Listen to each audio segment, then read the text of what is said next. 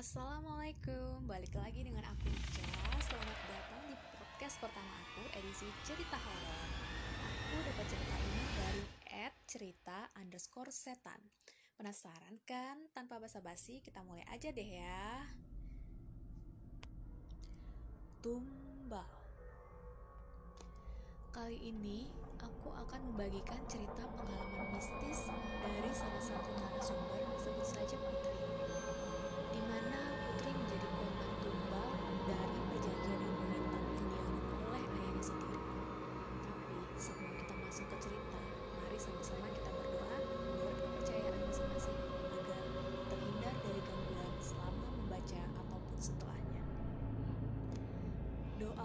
jin dan syaitan. Aku berlindung dengan kalimat Tuhan yang maha sempurna dari kejahatan yang dijadikan berdoa selesai. Dengan ini, dia kisahnya. Namaku Putri. Kejadian ini terjadi di saat menginjak usia 4 tahun. Masih terekam jelas di ingatan hingga saat ini. Berawal dari keegoisan ayah, ibu, dan keluarga ibuku. Di mana saat itu kakek, ayah dari ibuku mengetahui hubungan ayah dan ibu Bukan tanpa alasan kakek melarang keras ibuku mempunyai hubungan dengan ayah, dikarenakan kakek yang pada saat itu seorang yang terpandang dengan harta melimpah, sementara ayahku hanyalah orang biasa yang kurang berkecukupan. Ayah bercerita kepadaku, saat itu saking tidak sukanya kakek kepada ayah, kakekku sampai membayar preman untuk memukuli ayahku tapi karena mungkin ayah sangat mencintai ibu, dan begitu pun sebaliknya, mereka masih tetap nekat melanjutkan hubungan secara diam-diam. Tapi itu tidak berlangsung lama, karena akhirnya kakek mengetahuinya lagi. Kembali, ayah menjadi bulan-bulanannya preman kampung. Sejak kejadian itu, ayah pergi menghilang dari kampung, menuju Pulau Jawa untuk mendatangi satu gunung di daerah Jawa Tengah.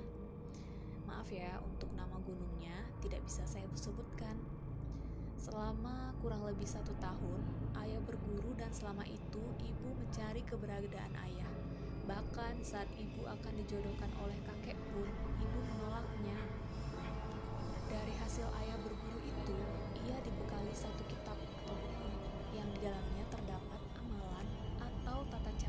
cara seperti ritual Ayah bercerita ritual itu yang tidak lain sebagai pemanggil setan atau jin, di mana jin tersebut disuruh oleh ayahku untuk mengganggu keluarga ibuku terutama kakek.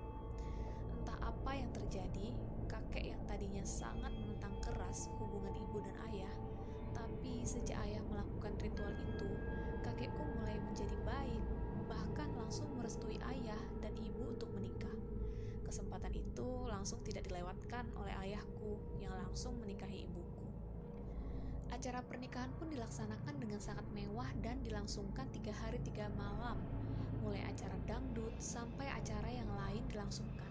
Yang membuat orang-orang heran, semua biaya pernikahan itu ditanggung oleh kakek. Malahan, ayah tidak sepeser pun mengeluarkan biaya sampai segitunya. Padahal dulu boro-boro ngasih uang lihat ayah deket sama ibu aja kakek pasti murka. Hari bulan dan tahun pun berganti sampai ibu melahirkan aku. Dan di saat usiaku 4 tahun di sini awal mula sifat ayahku berubah. Ayah yang saat itu dipercaya oleh kakek menjalani usaha keluarga bahkan kakek sampai mempercayakan sepenuhnya kepada ayah. Ia mulai malas-malasan mulai main perempuan perempuan dan lainnya. Setiap hari yang ayah lakukan hanya menghambur-hamburkan uang dengan cara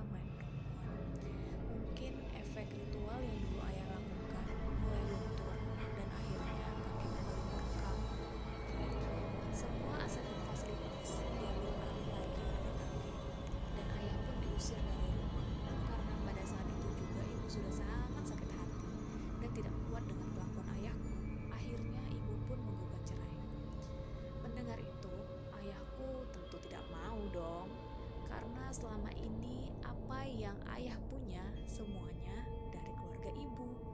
Tapi saat itu, ibu sudah benar-benar tidak tahan. Meski ayah tetap tidak menerima, dan pada akhirnya ayah dan ibuku resmi bercerai. Dari kejadian perceraian, diusirnya dari rumah, ayah kembali mendatangi tempat ritual dulu, melakukan apa yang dilakukannya dulu. Berharap kakek dan ibu bisa menerima ayah lagi. Tapi ritual yang kedua ini gagal, karena sebelum melakukan ritual yang ada, ayah lupa, yaitu puasa mutih selama 40 hari. Sepeninggalan ayah ke Jawa Tengah, ibu memutuskan untuk menikah kembali dengan tetangga kami sendiri, yang tidak lain adalah teman ayah sendiri.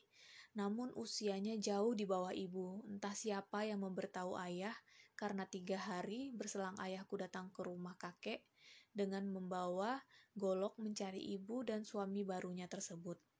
Saat ayah datang, ia langsung mengamuk dan ingin menyerang ibu, ayah tiri dan kakek tapi beruntung karena dihadang oleh preman yang menjaga rumah kakek. Singkat cerita, karena ayah merasa kecewa oleh ibu dan kakek, apalagi sekarang ibu menikah dengan temannya sendiri, membuat ayah semakin gelap mata. Saat itu ayah kembali berguru, tapi kali ini ayah langsung meminta kepada gurunya, ingin segera menumbangkan kakek dengan cara membuat kakek bangkrut. Dan di sinilah awal mula ayahku melakukan perjanjian dengan jin di mana guru dari ayahku itu menawarkan jika ingin cepat membuat kakek menderita, ayah harus melakukan perjanjian dengan jin yang di mana perjanjian tersebut mengharuskan aku dinikahkan dengan jin tersebut. Ya ampun, parah banget ya guys. Jadi maksudnya di sini tuh menikah secara gaib ya. Oke lanjut. Aku yang saat itu tidak tahu apa-apa harus menjadi korban keegoisan mereka. Dan benar saja, Sejak dilakukannya perjanjian itu, aku mulai merasakan hal-hal aneh di mana aku yang masih di usia itu tapi sudah mengalami hmm, maaf seperti mimpi basah yang seharusnya itu terjadi pada perempuan dewasa, bukan pada anak usia 4 tahun sepertiku. Di dalam mimpi aku sering didatangi oleh sosok hitam besar yang langsung memaksa berhubungan badan. Serius ini parah banget sih guys. Oke, kita lanjut ya. Masih kuat kan? Aku yang saat itu belum paham dan tidak tahu apa yang aku rasakan saat itu hanya bisa terdiam tanpa berani untuk bertanya kepada siapa pun dengan apa yang terjadi kepadaku yang mungkin otomatis perjanjian ayah dan jin tersebut berhasil. Terbukti, hanya dalam waktu tiga bulan saja, kakekku mengalami kebangkrutan. Usaha yang kakek rintis dari dulu sekarang mulai habis dan melemah. Di waktu tiga bulan, proses kakek mengalami kebangkrutan tersebut, ada hal-hal aneh yang setiap harinya terjadi di rumah ataupun di tempat usaha kakek. Yang pertama adalah terjadi itu di pergudangan penyimpanan padi dan beras yang berada di belakang rumah di mana tempat penyimpanan-penyimpanan yang kakek khususkan untuk menyimpan stok hasil panen itu ditemukan banyak ular hitam dengan berbagai bentuk dari mulai yang kecil sampai ukuran 3 meter. Wah, serius nih cerita. Oke lanjut. Mungkin jika hanya ular biasa jumlahnya hanya beberapa ekor saja. Tapi yang ditemukan jumlahnya puluhan, bahkan ratusan. Terdapat di tengah gundukan karung bergelantungan di atap. Bahkan saat orang suruhan kakek mengangkat beberapa karung beras, terlihat ular itu seperti menyembur keluar dari tanah. Padahal selama berpuluh-puluh tahun tidak pernah ada kejadian seperti ini. Jikapun ada hanya satu atau dua ekor aja, itu pun ular sawah atau ular biasa, tapi ini jumlahnya ratusan dengan warna hitam pekat gitu. Berbagai usaha telah dilakukan untuk mengambil hasil panen, tapi hasilnya nihil. Karena setiap mengangkat atau mengambil karung berisi beras dan padi, pasti ular-ular itu semakin bermunculan. Ada satu hal yang membuat semuanya terheran-heran dari sekian banyak ular, tidak ada satupun yang menyerang kakek dan para pekerja. Padahal secara logika sifat ular itu kan kalau diganggu apa ataupun didekati dia pasti menggigit ya. Namun tidak dengan ular ini. Ular tersebut hanya menggeliat-geliat saja dan tidak tidak melakukan perlawanan begitu.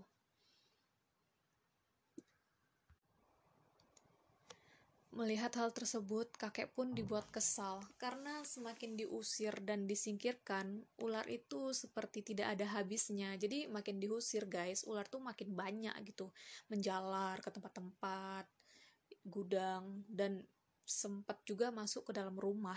Parah banget gak sih? Pada akhirnya, dengan sangat berat hati, kakek memutuskan untuk membakar gudang penyimpanan padi dan beras tersebut. Meski masih terdapat banyak padi dan beras di dalam sana, namun kakek tidak ingin ular-ular tersebut masuk ke rumah ataupun rumah warga. Disaksikan oleh para warga dan RT RW, kakek pun membakar gudang penyimpanan itu. Nenek, ibu, dan keluarga yang lain pun sangat bersedih melihat semuanya, termasuk warga yang menyaksikan kejadian pada saat itu. Tak butuh waktu lama, proses pembakaran gudang pun selesai, dan alangkah terkejutnya aku dan semua warga yang menyaksikan ketika mengetahui tidak ada satupun bangkai ular atau bekas ular terbakar. Yang tersisa itu hanya puing-puing dan sisa beras yang tidak terbakar semua. Karena merasa penasaran, satu persatu puing-puing diangkat, bahkan karung yang berada di tumpukan bawah pun diangkat semua tapi tidak ada satupun terdapat bangkai ataupun tanda-tanda bekas ular terbakar. Aneh banget kan? Melihat hal aneh yang terjadi saat itu, kakek pun berpikir dan merasa ada yang tidak beres nih. Namun saat itu kami semua belum tahu apa dan siapa yang sudah tega berbuat seperti ini. Hal aneh yang terjadi di gudang tempat penyimpanan padi belum diketahui penyebabnya. Kembali, kakek mengalami musibah lainnya, di mana sawah kakek yang seharusnya siap panen malah mengalami gagal panen dikarenakan diserang oleh hama yang menyebabkan dua hektar lebih rusak semua. Sementara sawah warga yang berada di dekat dengan sawah kakek tidak satu pun yang diserang oleh hama itu, yang menyebabkan kerugian yang sangat besar saat itu. Ditambah usaha kakek yang lainnya mengalami kerugian serupa, akibat dari kejadian tersebut membuat kakek jatuh sakit. Sudah hampir satu tahun kakek tidak mempunyai penghasilan, dikarenakan setiap kakek memulai selalu gagal. Begitupun dengan sawah, setiap akan panen pasti selalu habis diserang hama. Sementara sawah-sawah warga yang lain tidak pernah mengalami hal tersebut. Akhirnya dengan berat hati kakek menjual semua sawahnya. Semenjak saat itu, ekonomi keluarga kami pun mengalami masalah karena andalan kami hanya dari usaha dan sawah kakek saja. Hal tersebut yang mengharuskan kami sedikit mengirit. Masalah ekonomi yang kami alami membuat sikap ibu menjadi berubah kepadaku. Aku yang dari dulu tidak pernah mengalami kekerasan, dibentak oleh ibu pun aku tidak pernah. Tapi sekarang semuanya berbeda. Bukan hanya bentakan saja. Jika ibu sedang kesal atau ada masalah, pasti aku yang menjadi sasarannya. Singkat cerita, beberapa tahun pun berlalu. Kini aku sudah beranjak dewasa, tapi mimpi-mimpi tersebut terus menghantui. Itu masih tetap terjadi di malam-malam tertentu. Pada saat itu, aku belum tahu apa yang terjadi pada diriku. Dan inilah yang akan menjadi penyebab mimpi buruk sampai saat ini. Tepat saat usiaku menginjak 26 tahun, aku memutuskan untuk menikah. Namun pernikahanku tidak bertahan lama, padahal rumah tanggaku saat itu tidak ada masalah, bahkan bisa dibilang harmonis. Tapi entah kenapa, suamiku memutuskan untuk menceraikanku dengan alasan yang tidak jelas. Apa mungkin karena aku mengalami keguguran atau alasan suamiku meninggalkanku? Apa? Aku bingung.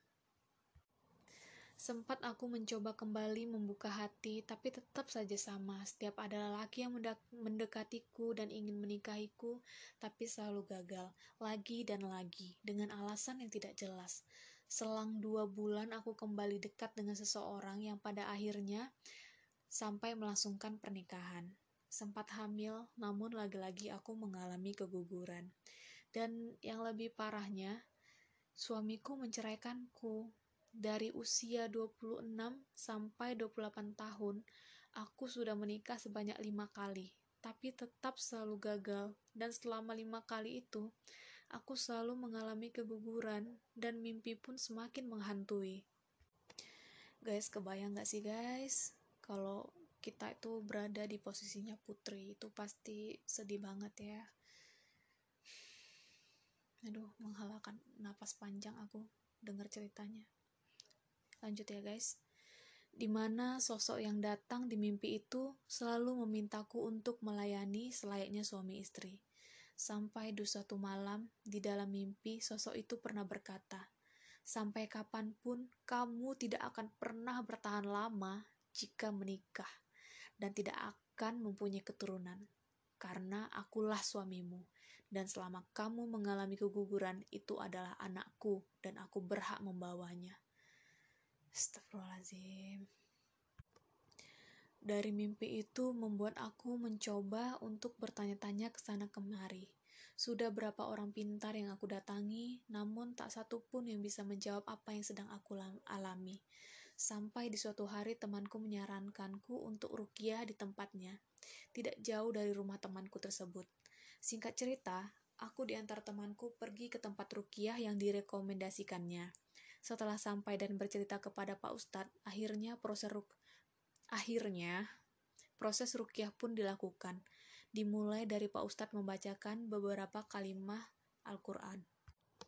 Aku masih sadar, tapi saat-saat jari-jari Pak Ustadz seperti menusuk-nusuk di punggung yang aku rasakan saat itu, punggungku seperti terbakar dan aku merasakan seperti ada banyak duri yang menancap di punggungku.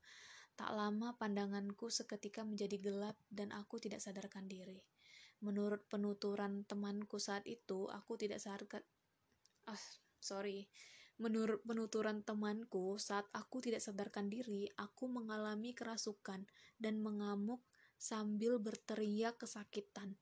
Hingga makhluk yang ada di tubuhku pun memberitahukan semuanya. Makhluk itu memberitahu siapa dalang di balik semua ini yang tak lain adalah ayahku sendiri. Coba bayangin teman-teman, yang melakukan itu adalah ayahnya sendiri, betapa kecewanya si putri. di mana dalam perjanjian itu, sampai kapan pun aku tidak akan pernah bertahan lama jika menikah, dan setiap ada orang yang mendekati, pasti ujungnya selalu menjauh, dan aku pun tersadar kembali. Setelahnya, aku langsung disuruh mandi. Entah dari mana, saat aku mengguyurkan air, tiba-tiba ada beberapa kelabang jatuh dari badanku yang ikut tersiram. Oh my god. Sontak aku kaget dan langsung cepat-cepat menyelesaikan mandi. Huh, serem. Selesainya aku memberitahukan kejadian tadi kepada Pak Ustadz dan Pak Ustadz menjawab, itu adalah salah satu gangguan yang ada di dalam tubuhku aku disarankan untuk menemui ayahku untuk mencabut perjanjian tersebut, karena hanya ayahku lah yang bisa mengakhiri perjanjian itu. Tak ingin berlama-lama, esoknya aku menuju rumah ayahku yang jaraknya sangat jauh dari tempat tinggalku, karena di luar dari kota. Singkatnya, aku pun sampai di rumah beliau. Meski dengan perasaan was-was, akhirnya aku memberanikan diri untuk bertanya langsung tentang apa yang telah terjadi kepadaku dan kepada kakek. Ya, tolong ayah jujur sama putri. Apa yang udah ayah lakukan sama kakek dan putri? Putri pengen ayah jujur. Apa ayah gak kasihan sama putri? Apa ayah tega lihat putri yang udah lima kali menikah tapi selalu gagal? Tanyaku saat itu sambil menangis.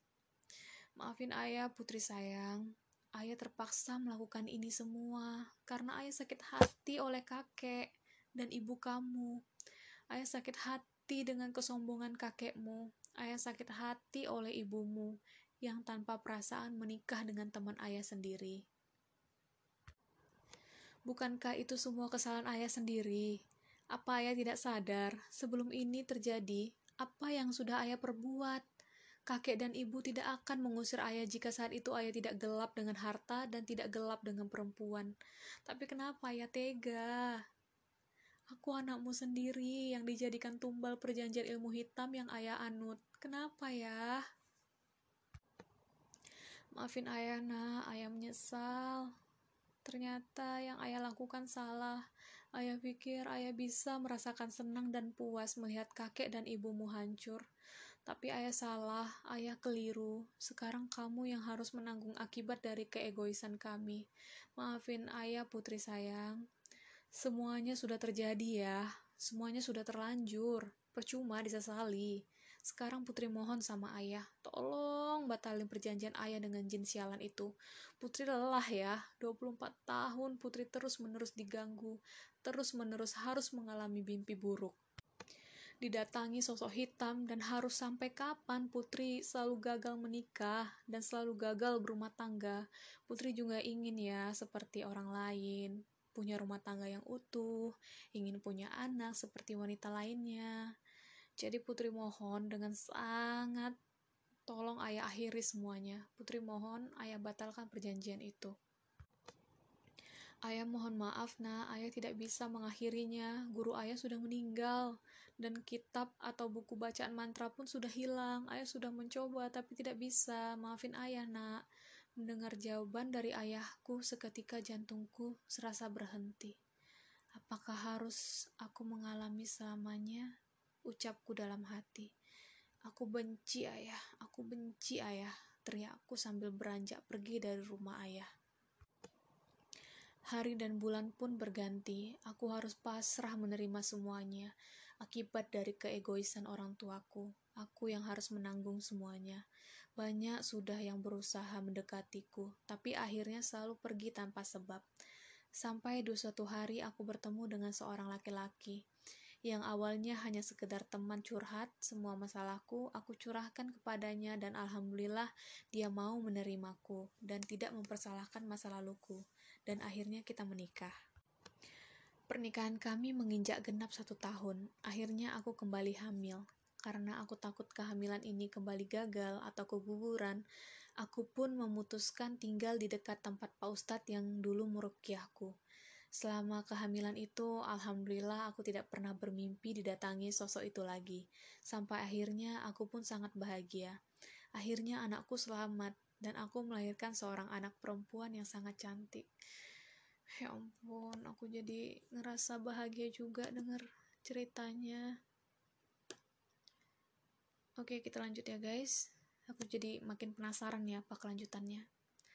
Tapi kebahagiaanku tidak lengkap karena lagi dan lagi suamiku tiba-tiba menceraikanku dengan alasan yang sangat tidak jelas.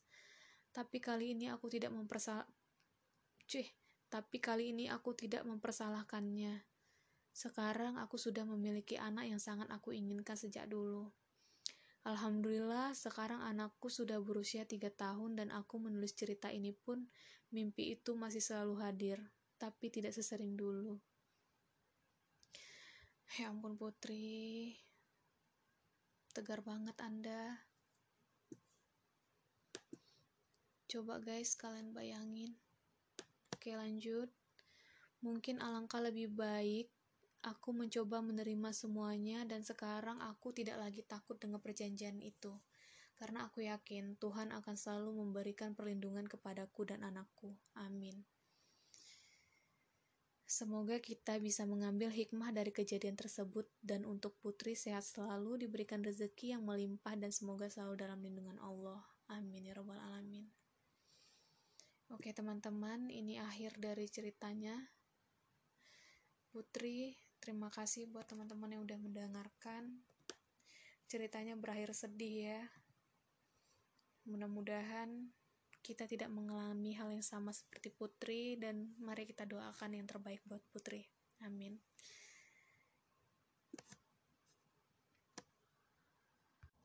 Makasih banget guys yang udah dengerin sampai habis cerita horor tumbal.